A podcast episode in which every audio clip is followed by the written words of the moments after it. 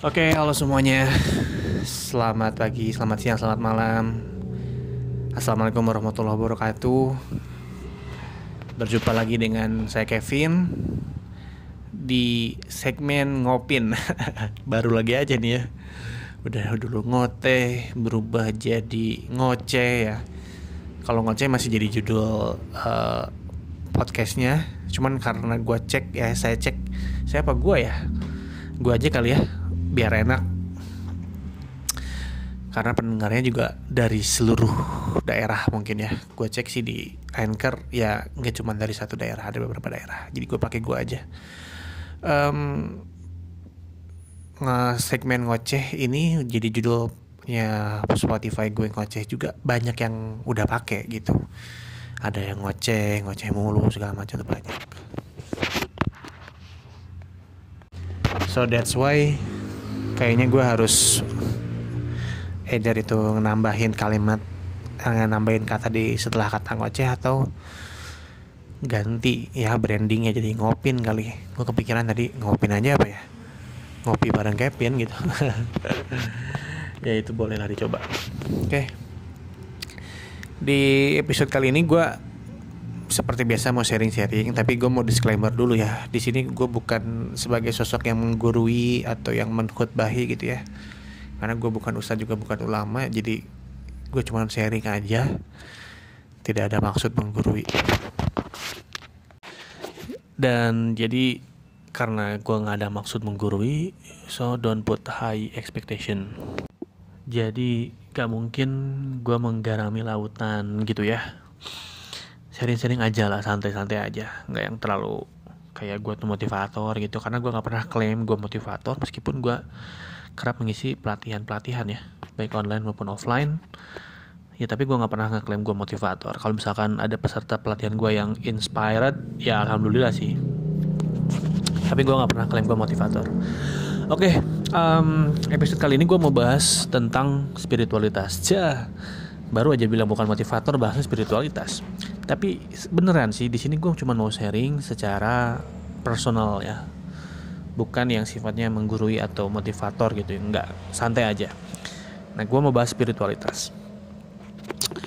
Uh, akhir-akhir ini gue lagi ngikutin banget sambil belajar juga sambil menikmati juga konten-konten dari stand up comedy ya khususnya uh, Panji Pragiwaksono. Ya karena Panji ini ter, terhitung aktif banget dari mulai bikin apa namanya turnya gitu kan terus update video di YouTube-nya bahkan sampai bikin uh, semacam sekolahnya gitu ya untuk stand up komedi dipecahkan. Gue ngikutin tuh. Selain ngikutin Panji gue juga gue juga ngikutin stand up stand up yang lain kayak Ebel. Ebel tuh sebenarnya udah tiga tahun yang lalu sih deh, hampir empat tahun yang lalu bahkan. Tapi gue belajar juga dari sosok seorang Ebel yang dia uh, kalau kata si Raditya Dika itu hasil analisis psikolog bilang ya intelektualnya kurang gitu kan istilahnya kayak gitu. Tapi coba lu bayangin ya, sosok seperti Ebel yang diklaim intelektualnya kurang, dia bisa nikah sama istri yang cantik gitu ya. Lu lihat di YouTube-nya deh. Istrinya Ebel tuh cantik loh. Jadi maksud gua logika mana? Itu kan nggak nggak masuk logika tanda kutip ya. Dalam arti ya kalau pakai logika mungkin gak masuk. Tapi kan dia nggak pakai logika dia orangnya tulus banget. Kalau gue lihat Ebel tuh sosok yang sangat tulus dalam menghibur. Jadi kalau pakai logika ya nggak masuk. Bahkan dia sampai ngasih istrinya tuh mobil sama rumah. Gila nggak tuh? Orang yang mungkin ya oleh orang lain dianggap remeh dipandang sebelah mata. Bahkan oleh keluarganya sendiri kalau dia cerita dianggap remeh bahkan sempat disangka meninggal kan ekstrim ya orang tuanya pun atau keluarganya pun nganggap remeh. Tapi dia dengan ketulusannya nikah dengan seorang perempuan yang sangat cantik dan bisa beliin rumah dan mobil.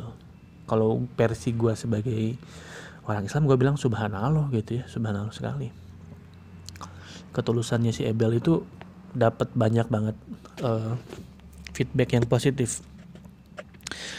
Jadi gue ngikutin ngikutin ngikutin dan jujur gue lebih menikmati obrolan mereka ketika ngobrol. Banyak banyak obrolan-obrolan yang akhirnya dicandaan yang justru itu lebih natural gitu kadang-kadang lucunya. Contohnya di podcast di comikanya. Di podcast comikanya gue ngeliat kelucuan-kelucuan itu natural bener-bener uh, apa ya kerasa banget gitu naturalnya. Termasuk si Abel nih. Abel kalau lagi stand up comedy dia nggak dia mungkin nggak hafal atau nggak pakai format-format baku stand up comedy tapi dia kerasa banget ketulusan dan kelucuannya. Nah um, ada satu fakta menarik ya. Panji Pragiwaksono bilang dia rutin ke psikolog dan alasan dia rutin ke psikolog karena seperti halnya gigi. Gigi itu bukan gigi band ya gigi ya gigi gigi yang ada di mulut manusia itu katanya kan kita pun seharusnya rutin ke dokter gigi itu eh, enam bulan sekali setahun dua kali. Karena um, si gigi itu bisa busuk gitu kalau enggak di treatment gitu. Jadi ya ada yang namanya precaution lah ya atau pencegahan. Jadi kalau rutin ke dokter gigi ada tindakan-tindakan pencegahan. Sehingga nggak nunggu busuk mungkin gitu analoginya. Meskipun nggak selalu orang yang ke dokter gigi giginya busuk karena mungkin dia uh, sikat giginya rajin dan lain sebagainya. Nah Panji itu rutin ke psikolog karena menganalogikan seperti dokter gigi. Dan dia cerita gitu bahwa ya salah satu alasan dia rutin ke psikolog karena dia punya beberapa isu salah satunya adalah anger bukan anger bahasa bahasa Inggrisnya itu dibacanya anger ya. Anger management. Anger management issue. Jadi dia bilang kalau dia punya irrational belief atau irrational anger behavior lah kalau kalau nggak salah kayak gitu. Jadi dia kalau lagi marah tuh bisa sampai ingin mati gitu. Agak serem sih dia bawakan ini di materi stand up komedinya dan dia bilang dia nggak mau bilang kalau dia rutin ke psikolog karena takut orang tuh menganggap dia nggak lucu atau ketawa karena kasihan gitu kan. Ya agak rasional juga alasannya. Cuman salah satu isunya dia adalah dia bisa marah-marah yang menyebabkan dia pengen mati. Itu jujur agak serem sih gue dengannya agak serem dan kaget. Gue nggak tahu um, apakah itu juga diidap oleh banyak orang. Gue nggak tahu. Cuman jujur gue agak serem dan kaget. Dan satu sisi juga gue applause atau uh, appreciate banget ya respect banget buat bang Panji yang mau speak up masalah ini gitu. Dan gue harap bang Panji uh, juga recover dan apa ya benar-benar bisa pulih gitu ya. Dalam arti ya itu tidak menjadi hal yang mengganggu lagi karena gue banyak terinspirasi juga oleh oleh Panji Pragiwaksono ini dari cerita-ceritanya. Karena secara background gue sama Panji ada kesamaan yaitu sama-sama penyiar radio dulunya. Jadi kesenangan ngobrol ini kesenangan ngoceh ini juga dan dilatihnya ngobrol ini juga dari dunia radio. Cuman gue ya kalau untuk Panji cash close lah ya dalam arti ya mudah-mudahan cepat pulih. Gue tertarik banget buat belajar langsung. Katanya juga mau ada kelas pecahkan gitu ya comika kelas kelas uh, stand comedy karena gue tertarik banget belajar tentang itu. Dan uh, bukan tentang Panji tapi tentang artis-artis ya. Artis-artis di Indonesia atau mungkin bahkan dunia lah. Kita contoh Robin Williams. Robin Williams itu inspiratif banget film-filmnya. Yang apa namanya tuh yang jadi badut ya. Badut yang dokter sekaligus badut kalau nggak salah gue lupa. Apa psikolog gitu. Terus yang dia jadi seorang psikolog juga ada gitu. Yang sama Ben Affleck dan Matt Damon itu gue lupa judulnya. Itu inspiratif semua film-filmnya. Dan yang menarik adalah uh, Robin Williams ini juga seorang komedian. Dia suka menghibur suka membuat orang tertawa selain seorang aktor yang sangat inspiratif. Tapi meninggal dalam keadaan bunuh diri gitu. 2014 kalau nggak salah dia suka bikin orang ketawa dia inspiratif dalam film-filmnya tapi meninggal dalam keadaan bunuh diri.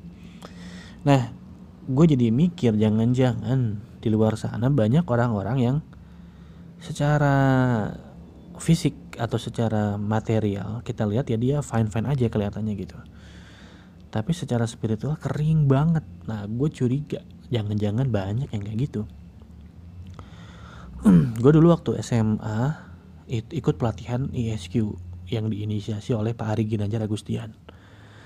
dan gara-gara itu gue jadi terinspirasi buat jadi seorang trainer. Dan gue suka jadi gue jadi suka public speaking dan gue kembangkan uh, gue develop. Karena gue juga nggak sengaja jujur ya gue nggak sengaja nemu pak skill public speaking itu. Jadi nggak yang dari zaman SD atau SMP atau SMA kayak gue seorang public speaker boro-boro nggak kepikiran gue tiba-tiba aja kayak ada semacam insight dan dapat feedback positif akhirnya uh, gue punya cita-cita jadi seorang trainer. Meskipun alhamdulillah sekarang udah terwujud meskipun bukan trainer SQ ya tapi ya trainer yang gue buat sendiri gitu ya pelatihannya. Salah satu activity gue lah kalau gue dibilang seperti itu. Nah di training SQ itu dijelaskan kalau yang namanya spiritual itu salah satu komponen dalam kehidupan manusia manusia itu punya intelektual punya emosional punya spiritual ada IQ ada EQ nah yang terakhir itu SQ orang yang pintar secara akademik ya banyak gitu. Yang rankingnya tinggi yang keterima di univ favorit yang IPK-nya bagus dan sebagainya. Itu kan banyak banget. Yang beasiswa luar negeri itu banyak. Itu ranahnya ranah IQ ranah intelektual. Tapi banyak orang yang intelektualnya bagus nggak ditopang sama emosional yang bagus juga. Ada sebuah pemahaman yang versi lain yang bilang bahwa emosi itu ya topangannya IQ jadi kalau emosinya bermasalah kemungkinan ya dia punya nalar yang bermasalah juga. Itu versi pertama. Nah versi kedua adalah ada juga orang yang IQ-nya tinggi tapi emosinya nggak bagus. Emosional quotientnya atau kecerdasan emosinya nggak bagus. Itu ada banyak jadi dia tidak bisa menyesuaikan atau tidak peka misalkan. Tapi dia pinter. Ya itu kan kita sering banget lihat orang seperti itu. Gue nggak nggak ngejudge jadi nggak yang kita sebaiknya sih nggak langsung ngejudge gitu ya. Cuman uh, kalau kita bicara case ya ada aja uh, yang secara intelektualnya bagus tapi emosionalnya kurang. Misalkan dia nggak bisa ngelola emosinya nggak bisa ngelola uh, ranah mentalnya tuh banyak kan nah ada yang cerdas dia pandai bergaul tapi spiritualnya kering. Nah si spiritual inilah yang uh, diduga ya menjadi alasan banyak orang-orang seperti Robin Williams atau Chester Bennington misalkan ya vokalisnya Linkin Park yang kurang terkenal apa dia. Dan gue sangat ngefans sama dia ketika SD gue ngefans banget sama Linkin Park sama Limp waktu itu kurang apa lagi gitu ya secara intelektual sama secara emosional materi. Tapi kok bunuh diri gitu. Diduga kemungkinan spiritualitasnya gitu. Dan spiritualitas ini suatu hal yang deeper deeper banget yang dalam banget. Dalam itu berarti ya pertama memaknai tentang diri lo. Maknai tentang diri lo tuh misalkan lo tuh um, melakukan semua itu untuk apa sih itu yang pertama yang kedua tujuan lo apa gitu itu sebuah pertanyaan yang mendasar yang kadang-kadang orang nggak bisa jawab banyak yang nggak bisa jawab ketika orang sudah menemukan makna Nah itu spiritualnya mulai subur, mulai tumbuh. Dalam hal ini gue mau ngasih gambaran juga spiritual dan religius itu mirip tapi beda. Orang yang religius bisa spiritual, bisa enggak. Contohnya, kalau di Islam orang rajin sholat nih. Tapi bisa aja orang yang rajin sholat tuh secara spiritualnya dan emosionalnya tidak well maintained tuh bisa banget. Bisa karena banyak faktor tapi kalau orang yang spiritualnya bagus dan dia juga religius atau rajin sholat juga banyak gitu jadi eh, ini adalah dua hal yang sifatnya bisa berhubungan bisa tidak gue mungkin bilangnya seperti itu oke jadi kalau misalkan apakah orang yang rajin ibadah pasti orang yang spiritual? Belum tentu. Belum tentu. Kita sering banget ya dengar cerita kayak akhir-akhir ini ada katakanlah siapa namanya tuh? Pengurus pesantren yang menghamili santri-santrinya santriwati ya bukan santri. Santriwatinya gitu. Nah itu kan dia kemungkinan besar ya gue nggak tahu sih. Dia kan paham dong ilmu agamanya gitu. Dia religius mungkin tapi secara spiritualnya belum tentu gitu. Makanya spiritual ini suatu hal yang sifatnya tidak ada kaitannya sebetulnya tapi bisa juga ada kaitannya dengan yang sifatnya religius. Karena gue muslim gue akan bahas secara konteks agama Islam ya. Tapi kalau yang dengernya non muslim bisa disesuaikan. Nah di AHQ itu diajarkan bahwa secara spiritual lu harus punya makna. Nah makna lu apa simpelnya gini deh kalau misalkan lu seorang pegawai lu bisa maknai bahwa pekerjaan lu adalah pengabdian. Lu tuh mengabdi mengabdinya buat siapa? Ya pertama buat Tuhan dong jelas ya. Yang kedua kalau lu udah punya keluarga berarti lu mengabdi untuk menafkahi keluarga lu atau untuk mengabdi untuk uh, menjadi jalan rezeki buat keluarga lu. Mengabdi untuk uh, membahagiakan keluarga lu misalkan gitu and it's totally fine gitu. Itu nggak apa-apa banget. Kalau lu punya anak ya lu pengabdian lu adalah untuk mendidik dan membesarkan anak lu misalkan. Itu juga nggak apa-apa. Kemudian kalau misalkan bisnis development nih kayak gue ya gue mikirnya ya pekerjaan gue adalah membantu bisnis orang supaya tumbuh gitu. Kalau misalkan lu seorang guru ya maknanya adalah lu mendidik generasi muda supaya well educated kalau lu seorang um, pengusaha ya lu uh, maknanya adalah lu membantu orang-orang supaya bisa bekerja gitu ya sebagai jalan untuk tenaga kerja dan produk lu. Misalkan lu adalah pembuat kue berarti ya lu mengabdinya adalah melayani masyarakat dengan uh, produk yang lu jual supaya masyarakat bisa uh, mungkin berbagi kebahagiaan dengan kue lu, mungkin berbagi keceriaan dengan keluarganya melalui kue lu dan lain sebagainya. Jadi makna itu yang lu harus ignite gitu ya, yang harus harus bangun gitu. Dan kalau dalam agama Islam, yang lebih deepernya lagi, yang lebih basicnya lagi adalah maknanya adalah ibadah. Ya dalam agama gue sebagai muslim, setiap aktivitas itu bisa lu maknai sebagai ibadah jadi ibadah itu yang tadi ya nggak nggak harus yang sifatnya religius. Misalkan lu sholat puasa itu kan religius banget gitu. Jadi ibadah itu tidak hanya yaitu tadi ya sholat zakat puasa ibadah itu bisa juga lu kerja itu ibadah. Makanya ada jokes kalau lu kerja di bulan puasa lu tidur itu kan ibadah kerja ibadah jadi kalau tidur di tempat kerja ibadahnya double tapi itu kan jokes ya yang tidak boleh dianggap serius ya. Uh, maksud gue adalah ya activities lu bisa sangat di, dimaknai sebagai ibadah pengabdian. Dan itu tuh kalau kata gue beautiful indah banget sih. Jadi lu punya lu punya purpose punya meaning. Oh iya ya gue tuh kan niatnya mengabdi gitu. Kayak gue waktu itu pernah bikin pelatihan kan. Gue gue tiap tahun alhamdulillah selalu jalan pelatihan gitu kan. Uh, gue pernah mikir ya apa ya uh, motivasi gue biar biar menjalankan ini tuh ringan dan meaningful bermakna. Akhirnya gue nemu oh ya gue niatkan aja ini gue buat mengabdi. Jadi gue mengabdinya dengan ngasih salah satunya salah satunya dengan ngasih pelatihan. Jadi ringan dan jadi nyaman gitu. Itu yang pertama yang kedua kalau dalam sudut pandang agama Islam nih bicara tentang spiritualitas um, kalau menurut gue sih kalau menurut gue pribadi setidaknya setidaknya dalam dalam satu hari atau dalam satu kali dalam hidup lo at least lo harus punya niat buat lo uh, pergi ke Mekah atau naik haji. Gitu kan. Lo kan misalkan lo, ya, lo muslim gitu kan lo juga tahu Eh, rukun iman rukun Islam gitu kan. Lu tahu oh, kewajiban-kewajiban dan lain sebagainya. Mungkin ya sebagai manusia pasti gak luput dari kesalahan adalah gitu ya sedikit banyaknya. Itu sebagai manusiawi wajar. Dan sangat wajar juga sebagai seorang muslim kalau lu punya niat untuk pergi ke uh, tanah suci ber beribadah haji di sana. At least kalau kata gue minimal lu harus punya niatnya aja dulu jangan sampai niat aja nggak ada sih kalau kata gue itu mungkin salah satu yang bisa mengignite spiritualitas.